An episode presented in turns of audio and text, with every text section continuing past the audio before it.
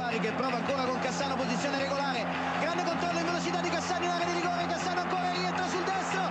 Antonio Cassano!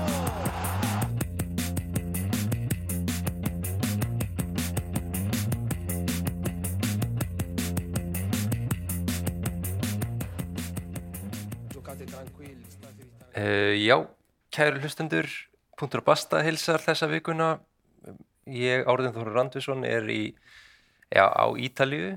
fluttur út til þess að fara í skóla hérna í Piedmont, hér aðeins. Með mér í kvöld er Björn Már frá Kaupmannhöfn. Blessaði Björn. Já, blessaður, gaman að heyri þér og hérna,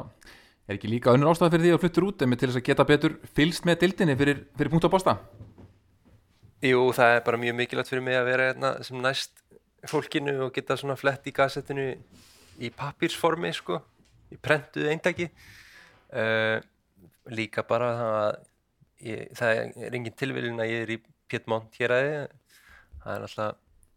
heima hér að Juventus og Torino og stutt á völlin. Fylgist með fyrir okkur, verður okkar útsendari á, á, ítalsku völlunum Já, ég ætla nú að reyna að taka upp mögulega já, næsta leik sem ég fyrir á Hellas Verona eða jú við Hellas Verona þá ætla ég nú svona að reyna að gera einhvers konar ferðasögu fyrir ykkur og hlustendur að þessi upplifun og reyna að taka einhver soundbites fyrir utan völlin og svona að reyna já, koma einhvern veginn hlustendum inn í þessa stemmingu sem er á vellinum Kíkja. uh, en eigum við ekki bara vind okkur í svona mál málana ef að kannski að Róma liðinu uh, Mourinho hefur verið í umræðinu svona síðustu vikurnar fyrir eh, eitt ákveðið mál. Gæti þú kannski tekið okkur aðeins í gegnum hvað er að gerast þannig bak við tjöldin í Róm? Já, það er nú tvær vikur síðan við vorum hérna, síðast með þátt og það hefur nú ímislegt gest uh, gengið á hérna síðan þá og hérna, og Mourinho er eins og ofta aður hefur stólið fyrirsögnunum hann alltaf var í, er núna í tveggjalegja banni og var núna ekki með eh, á hliðlinnu þegar hérna Róma mænti Sassuolo um helgina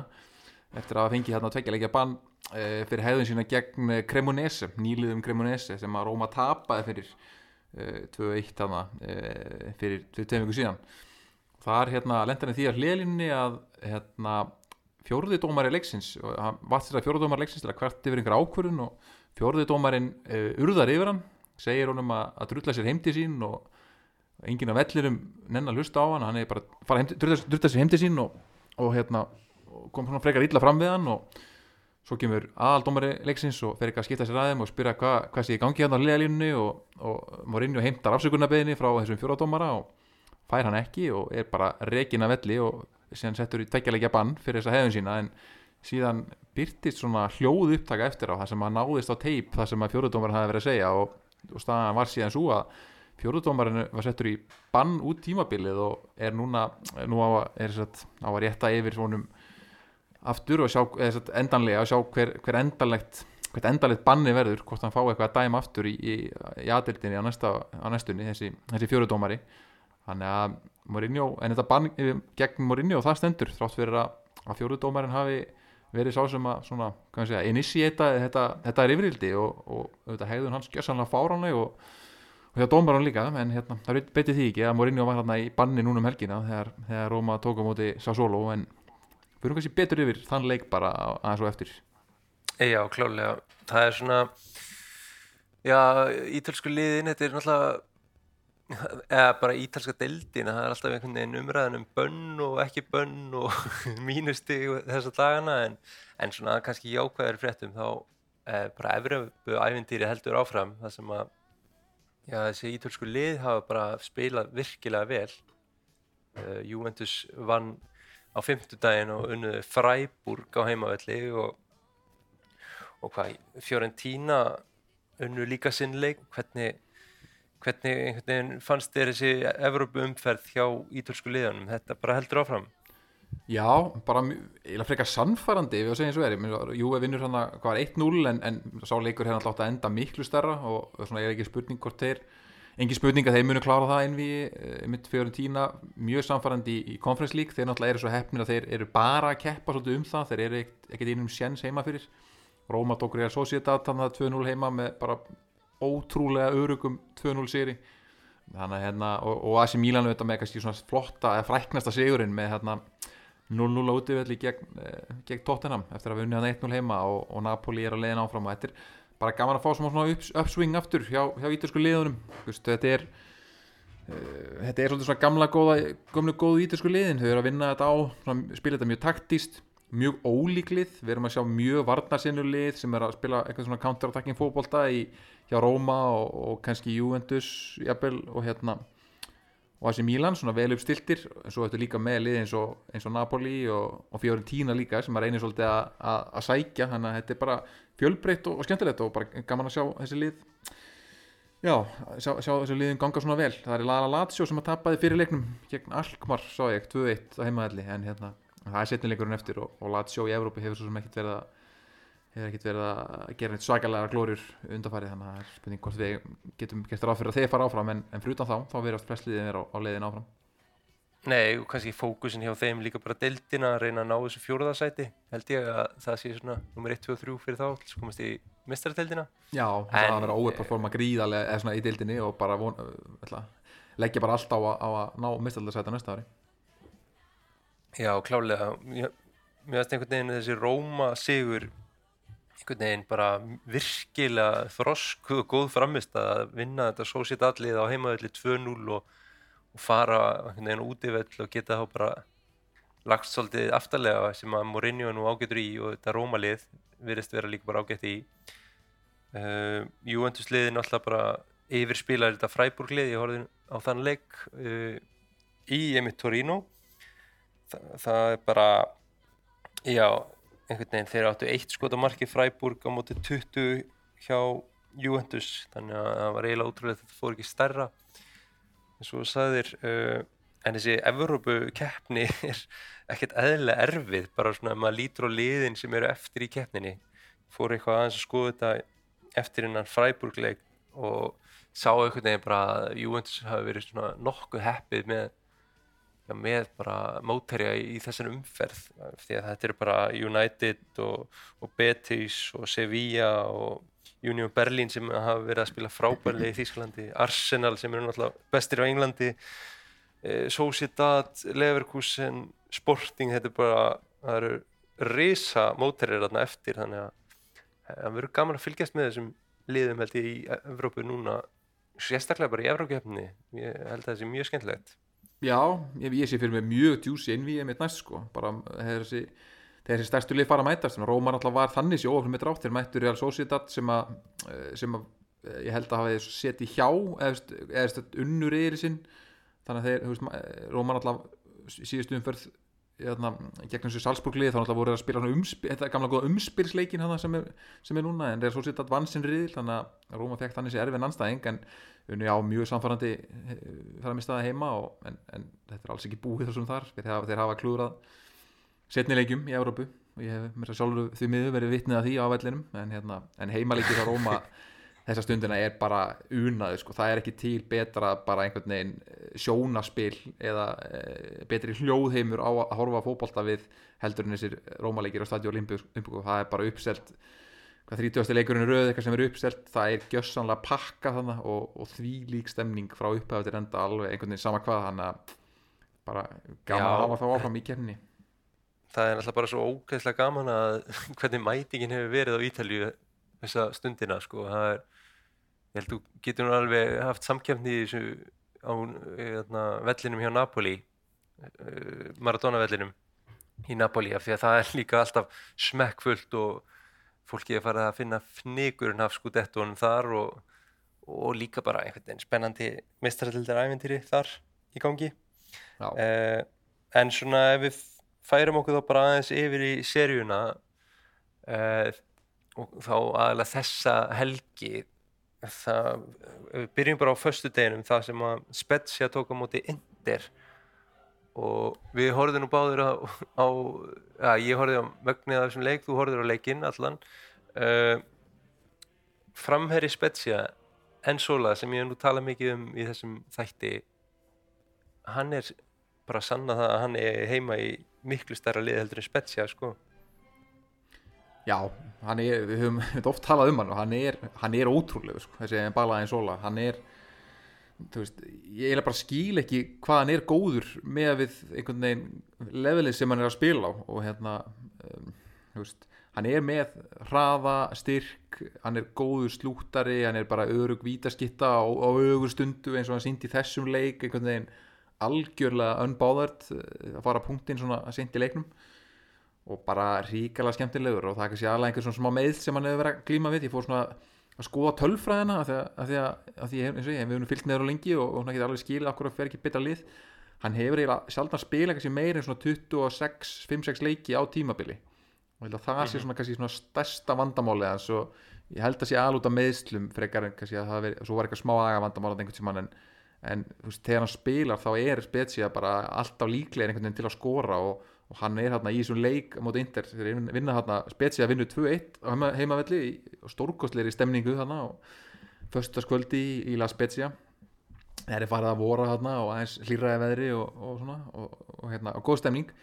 Hann var hann einn á móti varnalínu hjá Inter sem er nú frekar uh, hérna, ófrýnil, ófrýnileg hérna, stórir og sterkir kallar sem að sko fengu að rífa þvílíkt í hann. Hann, var bara, hann fekk engan frið þarna en samt einhvern veginn gengur hann frá borði sem, sem bara sigurvegari og pakkaði þeim á, á, saman á köflum sko. Hann, að, hérna, já, hann hlýtur eiginlega að fá stærra múf og allavega þá fara þá í stærri klúb og, vera þá kannski eh, spila hérna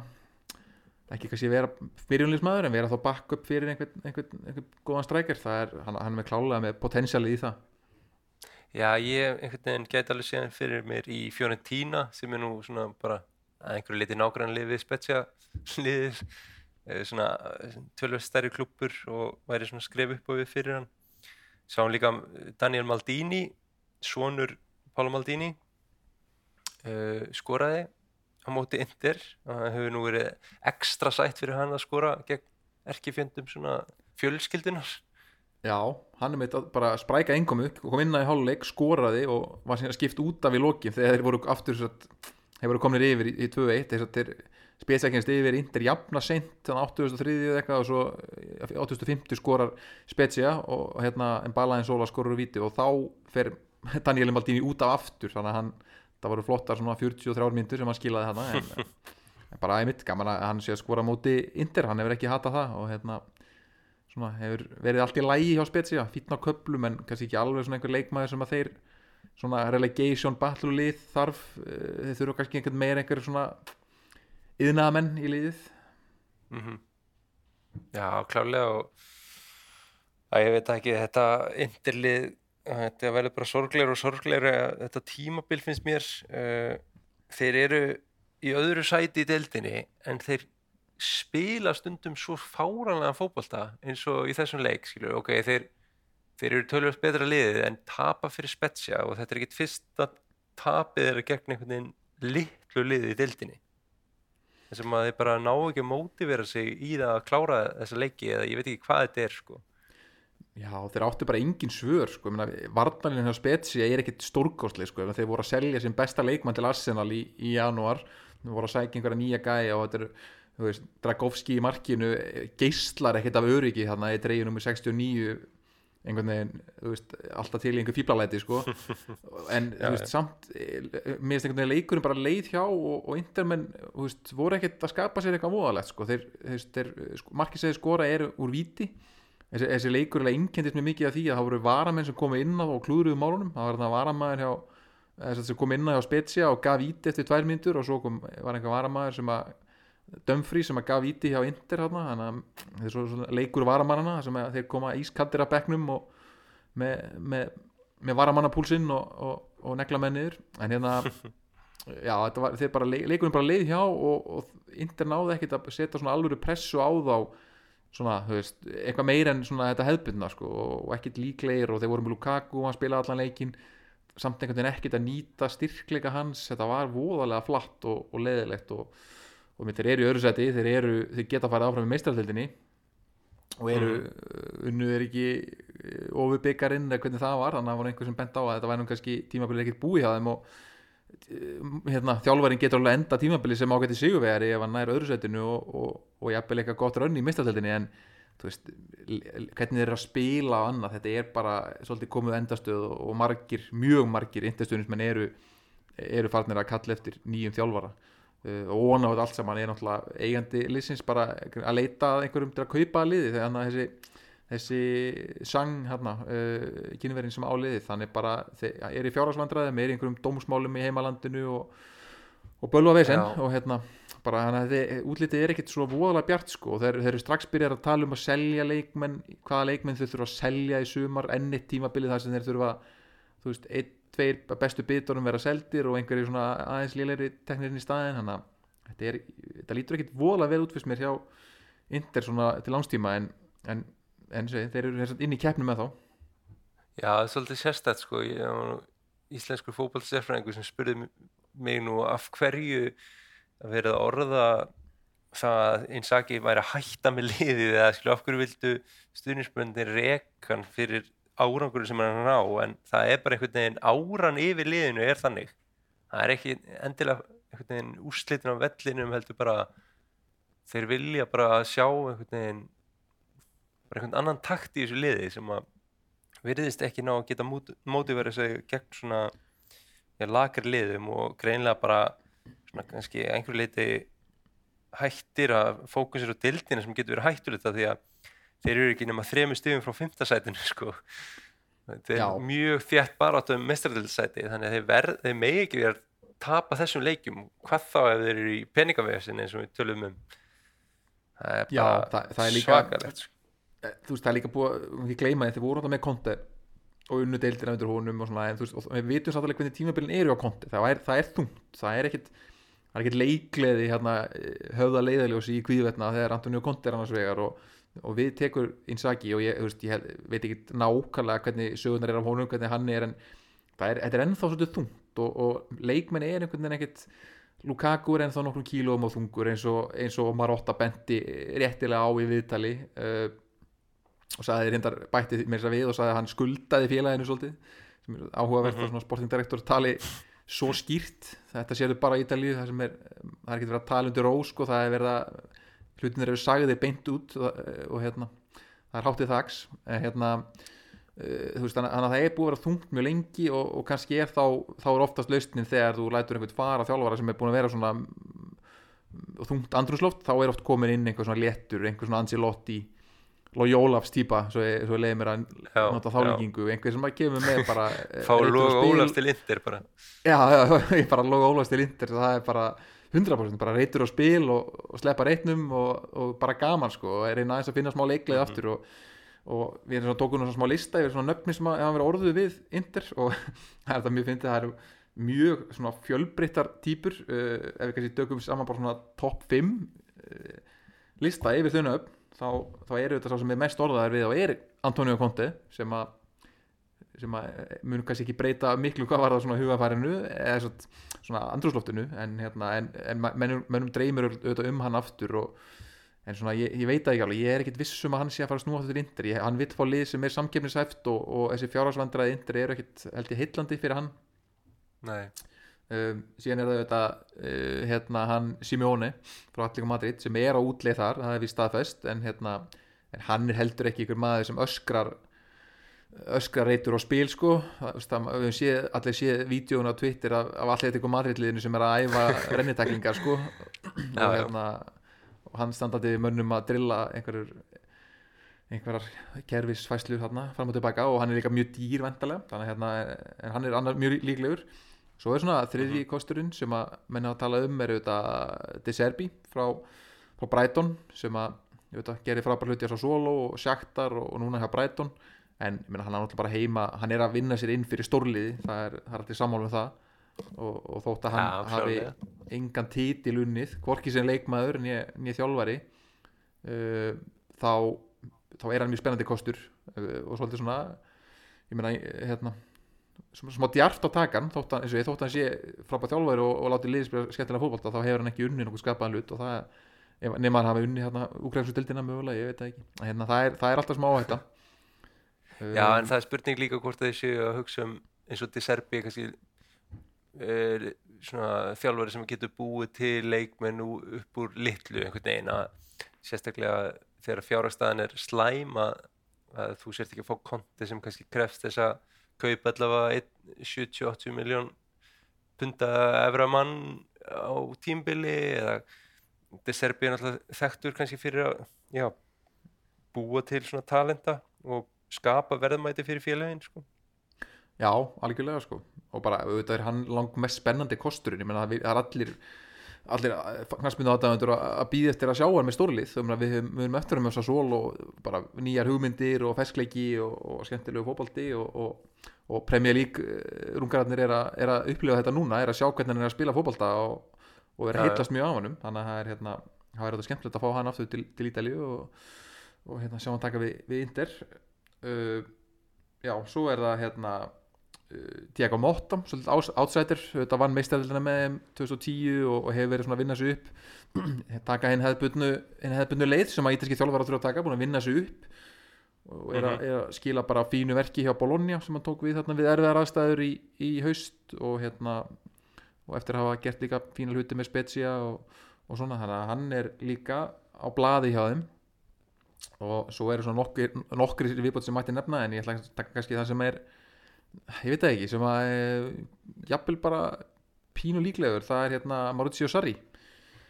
Já, hann auðvitað er að skila þessu Napoli liði er í toppáratu, er hérna í hæðri toppáratu við Inter, en hann þú veist, Inter menn elska að taka leikmenn og þjálfara frá Lazio og, og Sarri Já. er að óeperforma hann er að ná öllu út úr þessu Lazio og bara hann tók eitt tímabil í, í uppbytun og svo núna tímabili núna er einhvern veginn það er allt að ganga upp hjá þeim og þeir eru einhvern veginn að eh, vinna veist, já, bara spila frábæra fótbolta og hann er ekki með sérstakan efni við og hérna bara gera geggjaða hluti og er svona aftur að, aftur að sanna sig aftur sem svona þú veist, góðu þjálfari eftir að hérna, látið fara frá, frá auðvitað. En hann, ég held að hann sé að klála á blaði hjá Inter. Já, ég held séu bara margir möguleika fyrir intilið til þess að svona reyna að hrista þessu upp í hlutunum. Og ég held að ég held þeir ættir svona að leita kannski einmitt í þess að setni þrjá þjálfara sem þú nefndir uh, svona upp á bara kannski svona nýtt upphaf uh, stundum getur verið slemt að fara tilbaka í, í fortíðin og sækja eins og Conte sem stóð sér mjög vel síðast þegar hann var hjá Inter. Uh, og Simone er náttúrulega bara svona kannski einmitt ekkert mest heillandi kosturinn til að horfa á fótboltan sem hann spilar en, en eh, svona síðustu mólarnir úr þessum leik þá líka sáum við að Handanovic var komin í markið hjá Inter í þessum leik eh, á, kostnað á Nana og, og þeir tapunum ég, þetta hlýtur bara að vera síðasti leikurinn sem hann spilar fyrir liðið, ég bara trú ekki öðru Já, veitum við hvað af hverju hann var í markinu hann er bara, bara- ég- mjög góður Já, ég veit hann að bliki sko. Það hlýtur að vera bara hann hefur verið tæpur. Það bara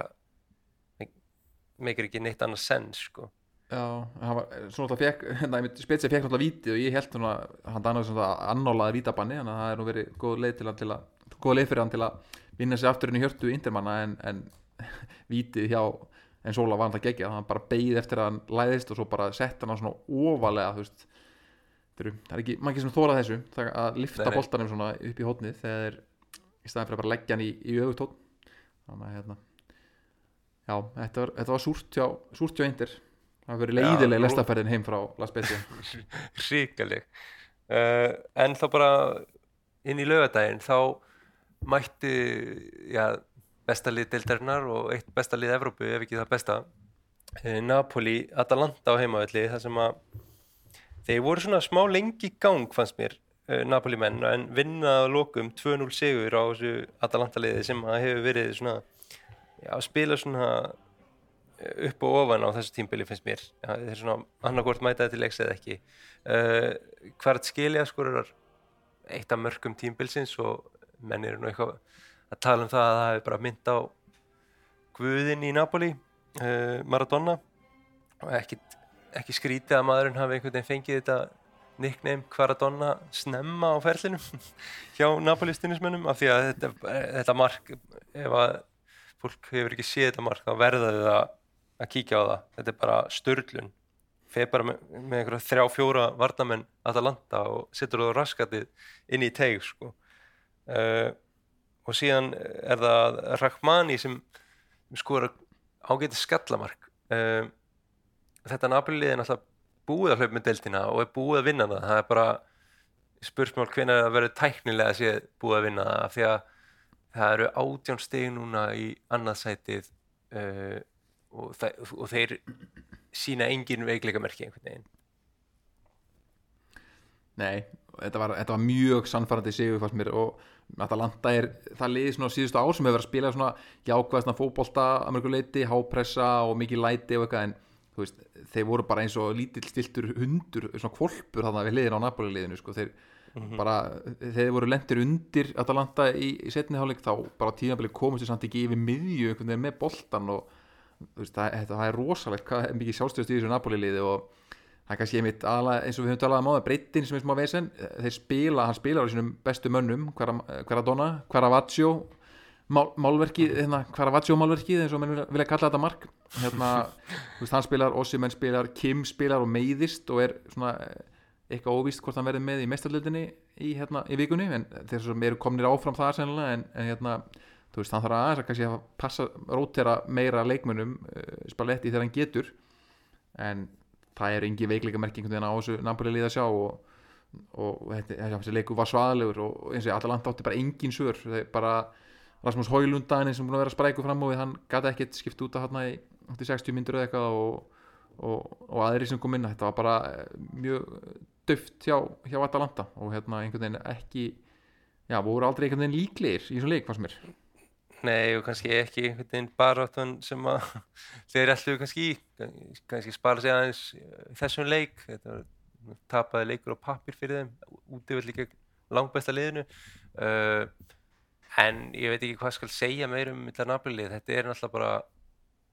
ég, ég er hann smá stressaði fyrir ástandin í borginni þegar þeir vinna þennan titil, ég veit ekki okkur, ég er hann eitthvað meðvirkum með borgar yfirvöldum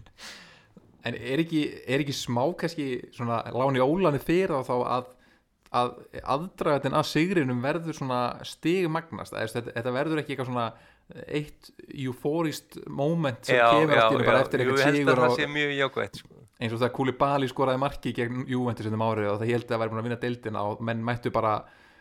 menn mættu bara svartmálaðir skilur, menn mættu bara blackface Yes. einhvern veginn í Kúli Bali treyjarum með vinnuna daginn eftir bara, veist, e e- eitthvað svona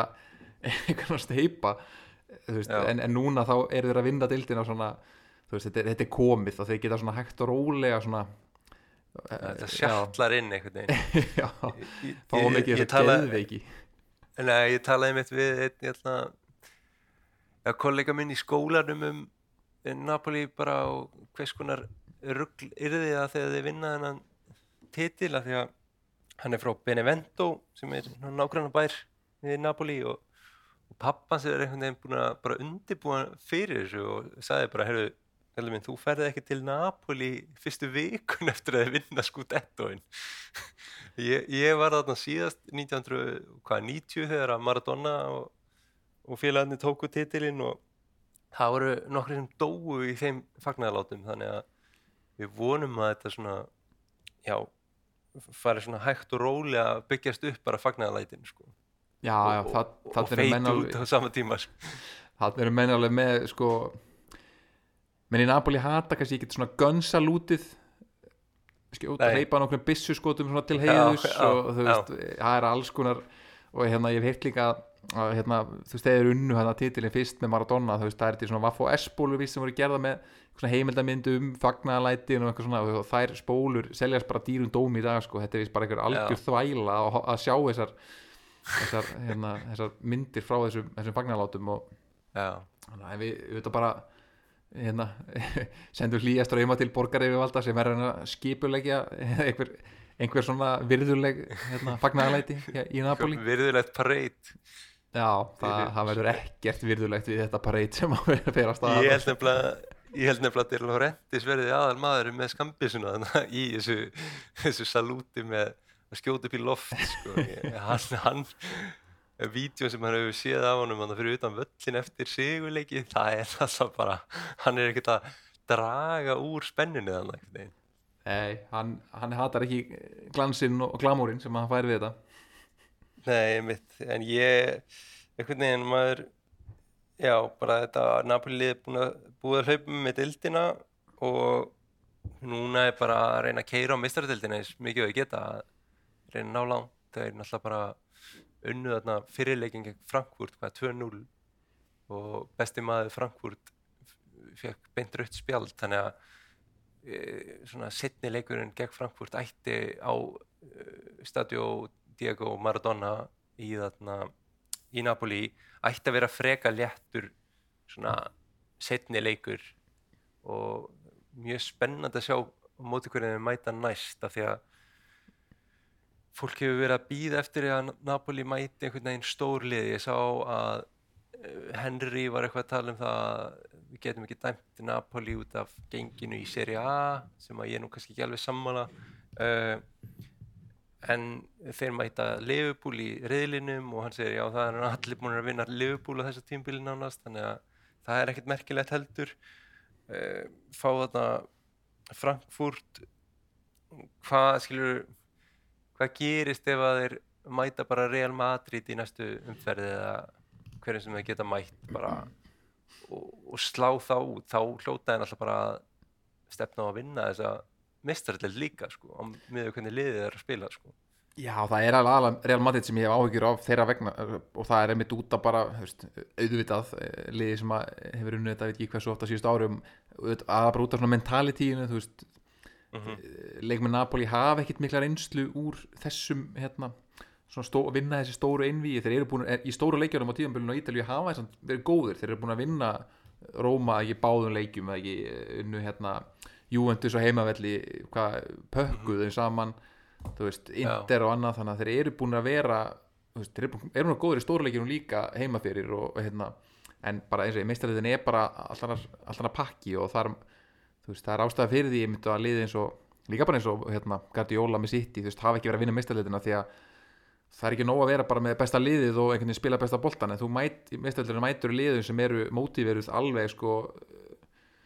upp fyrir haus og er, veist, þú færð alveg saman þóttu sér þeim betra lið þá myndu alltaf mæta liði sem mun eiga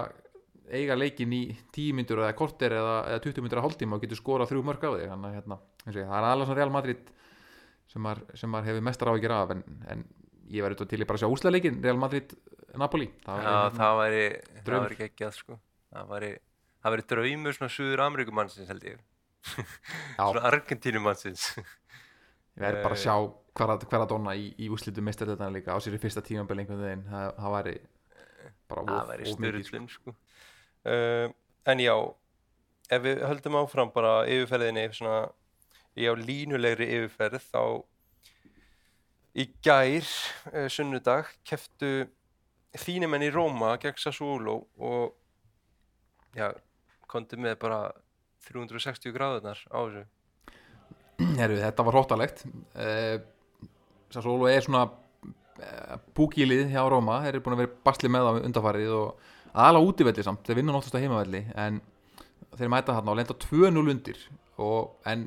er samt að fá fullt af færum og einhvern veginn hefðu sjálfur átt að vera búin að skora þrjúmörk einhvern veginn á móti og hérna þetta er bara mjög opinleikur þeggja svona sókna sinnara lið allt í einu. Dybala var á bekknum, Róma var svolítið að rótera þegar þetta er í þessari þessari erupikeppni og, og Dybala setur á bekkinn og, og hérna, já, svolítið svona varalið. Gianluca Mancini var líka á bekknum vegna þess að þeir eru að leik uh, í dildinni á móti Lazio í næstu helgi, þannig að þeir voru hrættur um að hann myndi fá spjald verið ekki með um næstu helgi þannig að Maras Kumbulla spilaði í staðinn uh, Albanin knái. Uh, og það endaði þannig að uh, í stöðunni þess að 2-1 fyrir uh, fyrir Sassuolo þá þá verður eitthvað kraðakan inn í teik hjá Róma. Berardi flegi sér niður einhverja teklingu reynir að nota boltans uh, dangla síðan löppinni í pungin á Maras Kumbulla sem stendur yfir honum og þetta er svona mjög lítið en augljóslega hann, bara, hann, hann er með fótinn bara upp, upp í loft í pungnum á honum og hann gefur honum bara svona danglar í hann. Og Mar- meðan bara markmaðurinn heldur á boltanum og Kumbulla svara með því að sparka bara í líkjandi mann í löpun á honum. Og, hérna, og þetta er sett út í dómarinn er sendur út í var, hann sér þetta ekki og fær þar að sjá sagt, sparki hjá Kumbulla en fær því miður ekki að sjá þegar hérna, Berardi sparkar fyrst í pungin á honum þannig að hann fikk bara beint raut og það var undir dæmt víti. Boltinn bara er í leik, markmaðurinn bara heldur á honum og það er bara dæmt víti. Þannig að hérna, Berardi fekk þannig ekki raukt sem hann fekk slapp alveg við spjöldin og Kumbula fekk Já. raukt Sassolo komst í 3-1 og, og mannir fleiri og hérna Róma áttu svo sem ágætti setni hálfleik Dybala kom inn á og skoraði geggjamark en þeir komust ekkert nær og Sassolo bætti sér við marki en leikur- leikurinn endaði eitthvað fjögur þrjú á endanum. Van Aldum sem er búin að vera að koma fínt inn í þetta á Róma hann skoraði þarna í uppbóta tíma minkaði munin aftur en en bara veist, hræ- hræðilegt fyrir Róma í umferð þar sem að stórulegin voru misti í sig þeir hefði getað einhvern veginn tryggt upp í annað, annað þriðasæti að hérna hræðilegt og, og kom búla bara að missi gjössanlega hausinn þótt, eins og þótt að sé sparkaði pungin á honum og, og allir Róma stuðnismenn og, og þjálfarar og aðrir eru brjálaðir út í þessa dómgæslu og, og skiljanlega ég, ég, ég efast ekki um það að þessi dómari hefur verið sendur í kælingu eftir þetta því þetta var eða þessi, þessi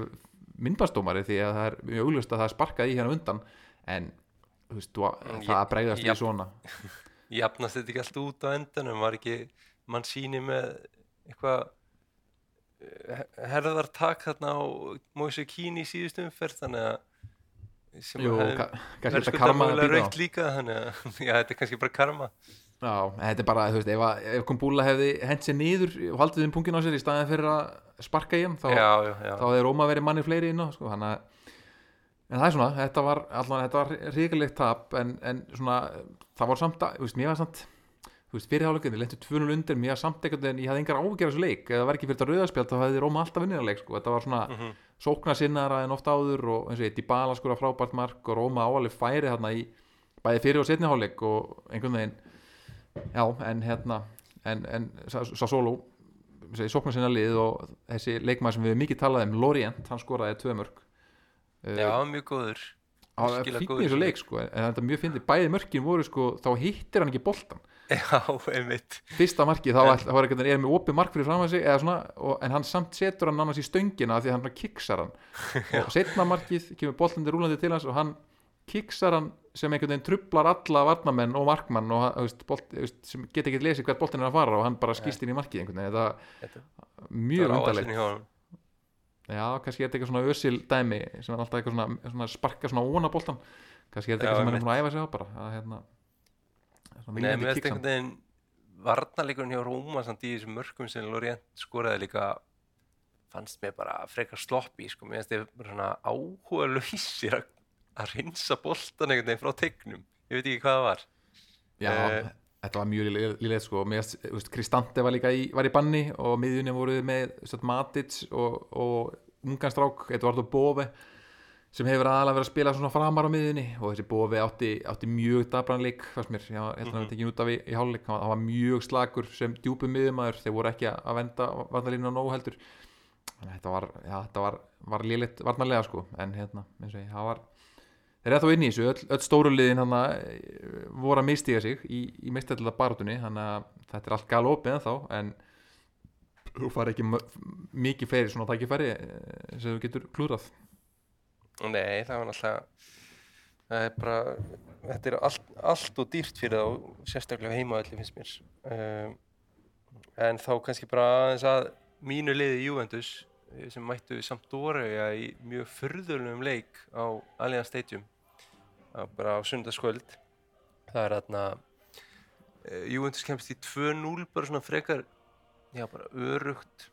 örug stað sem þeir eru komnir í og ég hugsaði að nú, er- nú ætli sé ekki bara búin að loka leiknum og, og þetta bara, þeir kláru þetta bara 2-0 og nenni ekki að fara fram með miðjun annast sko. nema það að þá skorar Sampdoria tvö mörg á einhverju einu og hálfri mínútu til þess að jafna leikin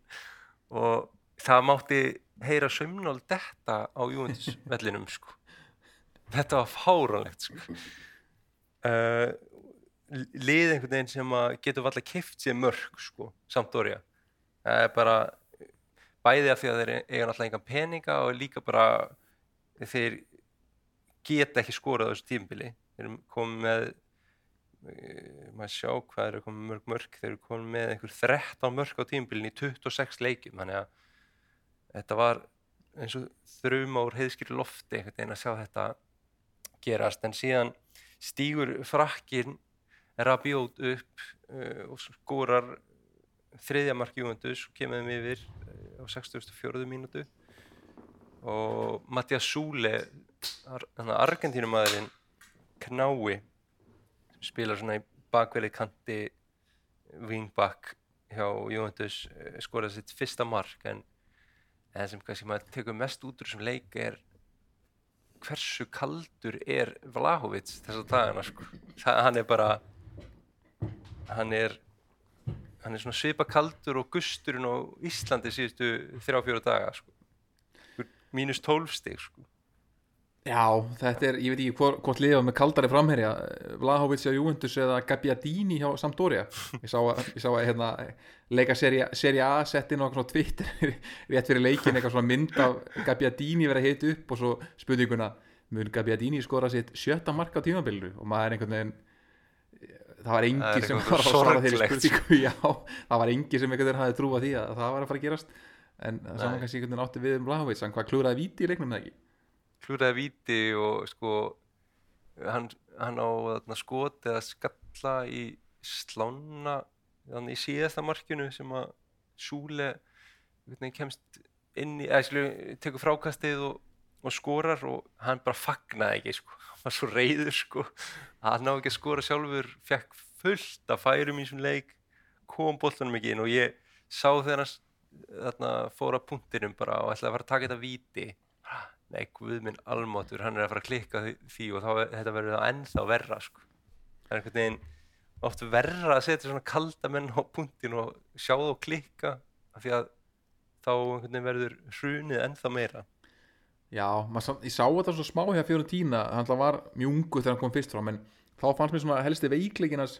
var einmitt svolítið hvað hausin var fljótur að fara. Veist, e- bara þetta er svona mjög mikill skapleik maður, hann, hann átti að skora eitthvað mark mjög snemma og svo komum bara einhverju 20 leikir að sem hann skoraði ekki hvernig það var. Og, og hann var einhvern veginn bara, ef hann klúraði einu færi þá var hausin bara gjössanlega farin og hann var bara ná, gráti næst og einhvern veginn bara allt á heimurinn á mótunum svo einhvern veginn öfugt þegar hann fór síðan að byrja að skora og þá hætti hann ekki. Þannig að þetta er bara sjálfströst spurningum Já. sjálfströst og hann mun, þú veist, leið að hann hittnar og einhvern veginn nær svona að vinna bug á þessu þessu meini þá, hérna, þá, veist, þá mun hann ra, raðin mörgum sko. Og það væri, skemmtilegast fyrir hann að ná að ein- einhverju góðu eruburönni eða eitthvað fyrir Juventus eða einhverju góðu rönni hérna í lokin. Og hérna, ég veit ekki hversu hátt er þóra að, hérna, að horfa í töfluna. En hérna, já, hann, hann, þetta er bara sjálfstöðs leikmaður og, og akkurat núna er ekkert sjálfstöðs til staðar. Nei, mitt, ég þetta er svo skrítið þetta Juventuslið það er einhvern veginn ég hef búin að tala við svolítið marga hérna í Torino og stuðnismenn og og bara fólk veit einhvern veginn ekki einu sinni hvaða stöðu það, það vantar sko, það eru sumið sem segja hérna, við þurfum að framherja eins og David Teres og Gett, mér finnst það mjög gott reyndar. Uh, einhvern svona lýþal framherja sem að er svona rúðlega þegar hann kemst í færi sko. Uh, aðri segja að vilja skapandi miðjumann af því að þessi miðji er allt og flöt sem ég er nú einhver leiti sammála sko, það vantar svona tengingum milli miðju og sóknar. Rabiot hefur náttúrulega verið góður en hann kannski skapar ekki nóg mikið fyrir aðra. Hann hefur komið sjálfum sér í góð færi og svona en síðan er með Kostic þannig á kantinu sem spila eins og David Beckham 2001 skilur hann bara keirir upp kantin og gefur fyrir og ef það er enginn í tegnum þá gerist ekki neitt uh, ég vil fá miðvörð í liðið þannig að þetta er bara svona mér finnst mjög erfitt að staðsetja hvernig liðið er í dag sko. Er ekki, er ekki Bonucci komin í eitthvað svona grínhlutverk eða svona, er bara eitthvað svona heru, varnir, var, allir varnamenni mittir getur þú spilað hérna svona síðasti kostur á bekknum einhvern veginn? Jú, það er bara nánast þannig sko. og stuðnismennir orðnir bara æfir yfir honum. Hann er búin að vera svo lélugur sko. það er bara, mér sé bara Og- sko þegar, þegar hann kemur inn á þá, þá bara nánast eða ímynda ég mér að ég sjái leikmenn hinn að liðana bara eitthvað svona benda og bara, herru, kerum á hann hérna, kerið á hérna Bonucci. En það en það mannst ekki byrjun tímbilsins þegar að Bonucci tók eða var tekin að fyrir af kurfunni fyrir að vera ekki alveg fyrirlið og eitthvað en þetta tímbil hefur verið bara skelfilegt og fólk vil náttúrulega bara losna við hann uh, sem ég nú kannski einhver leiti sammála. Uh, já, það má Marco hrósa Dra- Sampdoria liðinu eftir hann leik. Já, hérna, að skora. sem hefur verið að hefur verið að rífa allar lið upp uh, Harry Winks. Ekki nafn sem bjóst við að vera að nefna mikið sem þetta en hann alltaf er veist, kom mjög mittur til Sampdoria og er einhvern veginn var bara lengi að ná sér spilaði ekkert með þeim hann að fyrstum sinn. En hann er bara spila alla leiki núna og bara ríkalega gaman að sjá hann spila. Hann er bara mjög sprækur og einhvern veginn þú veist, þetta, þetta Sampdoria liði mun falla þeir eru þeir eru fallnir, það er einhvern veginn ekkert sem getur bjargað þeim og, og svona en hann einhvern veginn bara með sjálfströst og, og hjarta og einhvern veginn bara getur gengið frá þessu með, með, með höfuðið hátt virðist vera sko. Já, ég, þetta, er- þetta er einhver svona skrýtnustu félagskipti bara síðustu ára, þetta er svona svipa og þegar Joe Hart kom til Torino finnst mér, Já, algjörlega svona mjög skrítin félagskipti og en bara gaman að sjá hann spila og uh, vonandi Sampdoria kom bara sterkar tilbaka á næst tímbili upp úr bjöldinni og þá vonandi með Genoa í serju A já einnig. við sáum nú einmitt hérna, sendum okkar, okkar á milli myndbönd þarna úr, úr kurfunni hjá, hjá Genoa sem, þar sem menn var að syngja um Sampdoria að þeir séu að falla og Genoa séu að leiðinu upp þannig að við fáum að sjá svona jarðaför svona, með svona Sampdoria litaði kistu um götur. Genoa borgar í, í, í vor en, en svo þetta viljum við bara hafa þessu bæði lið upp í í efstu stilt svo við fáum nákvæmnarslægin og, og, og hérna, stemninguna. Já, ég sá líka Catania sem er að spila í D-dildinu núna eftir að út af einhverjum fjármaks erðuleikum síðustu ára. Uh, það var störlu stemming þar sko. Uh, bara svona gaman að sjá þessi stærri lið sem hafa verið stóri gegnum tíðina í neðri dildunum og halda einhvern veginn stuðnismjörnum með sér. Eins og Genoa er búið að vera í B-dildina búið að vera mjög góð stemming á völlunum vellinum hjá þeim sko. Já, Þetta er náttúrulega oft um svona krísu sem þjapa líka stundismunum saman og með lið sem hafa lent í því að þegar þeir lendi í basli þá, þá selja aldrei eins marga, marga ásmiða og þegar þeir lendi í basli og, og það þarf að snúa bökum saman. Já og kannski líka það er oft uh, kannski skemmtilega að vera efsta sæti í D-dild heldur en í neðsta sæti í, í A-dild eða B-dild sko. Já, eins og Catania með 12 Argentínumenn í byrjunarliðinu líka við sko, Já, og, enga heimamenn. Einmitt. En að svona síðasta stóra leik helgarinnar þá er AC Milan, hann er bara klárast. Það er einhverja fjóra eða fimm mínútur eftir af leiknum. Uh, þannig við getum ekki alveg nelt niður hvernig endar en staðan er 1-1 og, og þeir hafa nú verið svona skárri aðilinn allavega í leiknum AC Milan Eh, Zlatan Ibrahimovic kom inn á 80. mínútu, 70. og 50 og það er bara einhvern veginn stórliðin í basli eins og bara þessi helgi hefur verið Þetta er ótrúlega helgi sko. þetta er bara, það er eins og, eins og stóru liðin sem að bara vilja ekki fá þetta elbúrsæti sko. það er eins og þið séu bara Nei. allar en að forðast það sko. en, en ein spurning með, með Slatan eru að fara að horfa á sko, Mi- segjum AC Milan uh, fara nú okkar meistratæðarönn og þeir náttúrulega eru ennþá inn í, í, í, í hérna, barátunni um, um meistratæðdeldina ef að þeir vinna hana myndir nú einhvern veginn slýsast til þess Eh, og hann er ekki í Evropahopnum hversu, sko, hversu mikið naga menn sér í uh, handabökin við það Slatan sem hefur aldrei unni meistarlildir hann, endar á því að fara til Asi Mílan yfir til lokferilsins rýfur upp en hann sko uh, miklaða klúb á þeim tíma upp í það að vinna deildina fer svo í meistardeildina er tekin út úr meistardeldarhópnum út af einhverjum meðslum og á hættu að, að vinna ekki meistardeildina það er það væri rosalegt. Það væri nefnilega svaðalegt sko. Og ég einhvern veginn já, maður, maður sér alveg fyrir sér eftir á svona tilraunir manna til að svona skrifa hann inn í titilinn svona hvað hann hafi nú verið mikilvægur. Og auðvitað, maður, maður ég efast ekki um það en, en ríkali mistök að hafa hent honum út úr hópnum sko. er ekki hægt að finna einhvern er einhvern annan bara. einhvern drasl hafsend þarna sem að gat, hent, út frekar. Já, það hlýtur að vera sko. bara. En já, þetta, það er gaman samt að sjá þennan 40 og hvað eins á skamla framherja ennþá bara í fullu fyrir Já, og hann virðist er vera þá bara að koma sér aðeins betra stand finnst mér sko, mér finnst hann spila bara betri með hverju mínútin sem ég sé af honum núna. Já, ég held sko, það, það er nú verið orðan líka við, við sér að vera valin næsta landslýsópi á svíjum sem svona mun eh, gefur það til kynna að hann að þessi að, að, að taka eitt tímabili viðbútt mm uh, og enda einhvern veginn undir lok næsta tímabils en hérna en, ég, það, er, það er mörg EF í þessu það er líka með hans er svona hægt og rólega að fara hann að gefa sér eins þannig að hérna. En hún tókst ekki að skora í dag, þeir eru ennþá staðan 1-1 og, og bara 1-1 að heimavelli gegn Salernitana er ekki það er ekki úslit sem að, sem að stuðnismenn liðsins uh, samþykja en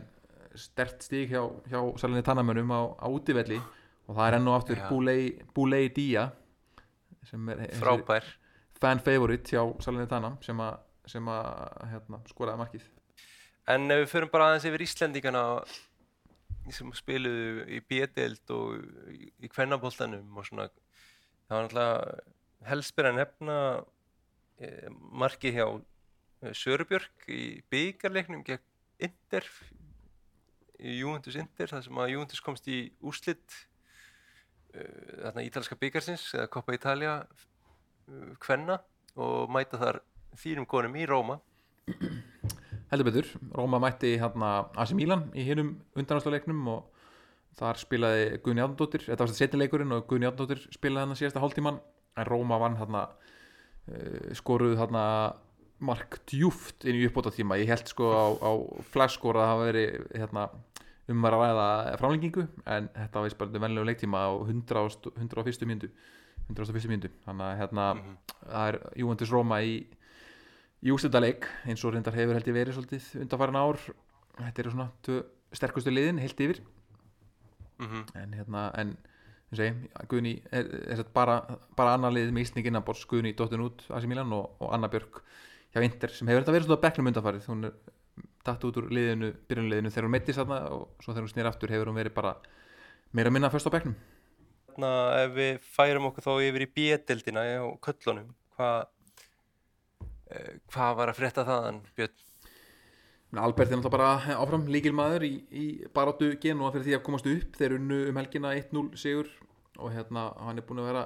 yðin við kólan undanfannan vikur með, með mörgum og assistum og hérna og þessi, þeir eru ennþá í, í harrið baráttum að komast upp uh, harrið baráttum um annarsætið frá sér nóni er að sigla með, með fyrsta Mm uh, og meðan, meðan Genó er að keppa hérna við ekki Bari er ekki með töfluna fyrir fram að mig, ég held að sé Bari sem er svona aðalega að stríða þeim. Já, Bari og, og svona spútnik liðið, Suðu Tíról Já, sem er svona ótrúlega uppgangur hjá þeim. Já, ég, alveg skýrt hvaða lið ég vil ekki fá upp að þessum, að þessum liðum. Eh, hann var annarkvæmt Geno eða. Bari sem maður vill fá upp en hérna, Já, já, en hann er alltaf búin að líkil lík, lík, hlutverki og, og, og við þekkjum auðvitað umræðina með landslið að, og vonum bara að hann verði í liðinu. Þurfum á honum að halda, klálega já, það er bara vonandi taka því samtalið allavega saman og hann er sjóðandi heitur hann með Genova finnst mér bara spilar skemmtilega fótbolta og er búinn að vera bara best, þeirra besti maður á tímbilinu held ég sko. hann er að verða það allavega. Já, bara spilar í, í heimalandi tíunar og í, í tíu stöðunni meina, og, og, leysir það með, Með lága sokka og-. Já, lága sokka og, og, hátt sjálfströst sko. það er bara það sem það snýst um og hérna, já, hann er búin að vera flottur og, og, og Mikael Egil komið inn í mjög vel inn í þetta Venecia-lið eftir áramót og ég svo viðtal hann í síðustu viku við þjálfarna sem að hrósa hann mjög mikið mjög ánæði með bæði sóknarlega, mjög ánæði með svona hann er með hraða og, og svona e, klókur sóknarlega, tekur réttur laupinn og ræðist á réttur svæðin svo ég vitni nú í, í þjálfar annars og, og svo þetta varnarlega líka búin að vera góður búin að spila, hann bara byrja flesta leikina hjá Venezia eftir að hann kom og, og gengið þeirra hefur líka stór batnað þannig að hérna, það er bara gaman að sjá og, og hann er, hann var kiftu til Venezia, spurning hvort hann verið það síðan áfram eftir, eftir lók tíðanbjörnsins eða hvort það sé einhver, einhver lið að fylgjast með hann og svo að lókum er auðvitað Hjörtur Hermanns sem að spilar eiginlega flesta leiki hjá Písa sem að töpuðu 1-0 um helgina. En eru ennþá í, í harðri baróttu um að hérna, komast í uh, umspilið. Og ég heldur mjög nú klálega að ná sæti þar. Já, það er nóga umspil sætum einhvern veginn í bóði það er, þetta er frá þriðja upp í, já, niður í áttunda sæti þannig að þetta er Það er erfið að missa af því heldur að ná því sko. Já, eiginlega sko, af því að ef þú missir af því þá ertu nánast komin í umspilum að fara niður sko. Já, það er stutt niður líka en uh, já, ég held að við höfum þetta ekkert mikið lengra í dag svona vonandi uh, heyrum við í tokka á næstu vikum sem hefur verið fjárverandi það, það verður eitthvað mix einhvern veginn að að púsla okkur saman. Leikurinn, AC Milan Salernitana var að klárast, það fór 1-1 þannig að uh, hrikalega stert stig fyrir Salernitana uh, svo ekki meir sagt Kanski við rennum bara hratt yfir, það er næstu helgi bara Róma, Róma Já. Derby á sundaginn já, endilega, Lazio Róma. Lazio Roma og Derby d'Italia Inter Juve eft- eftir held ég Lazio Roma Já, Lazio Róma klukkan, já, hvað, íslensku tíma 17 væntanlega og 1945 Inter Juventus, þetta er þetta rosalega helgi já, í, í bóltanum með betri helgum sem maður sér einhvern veginn, þannig að það er nóg að horfa á þarna á sunnudeginum næsta. Já, uh, en bara takk fyrir í dag Björn, við verðum bandi. Sumulegis, Yes. gerum það. Bless bless. Blessaður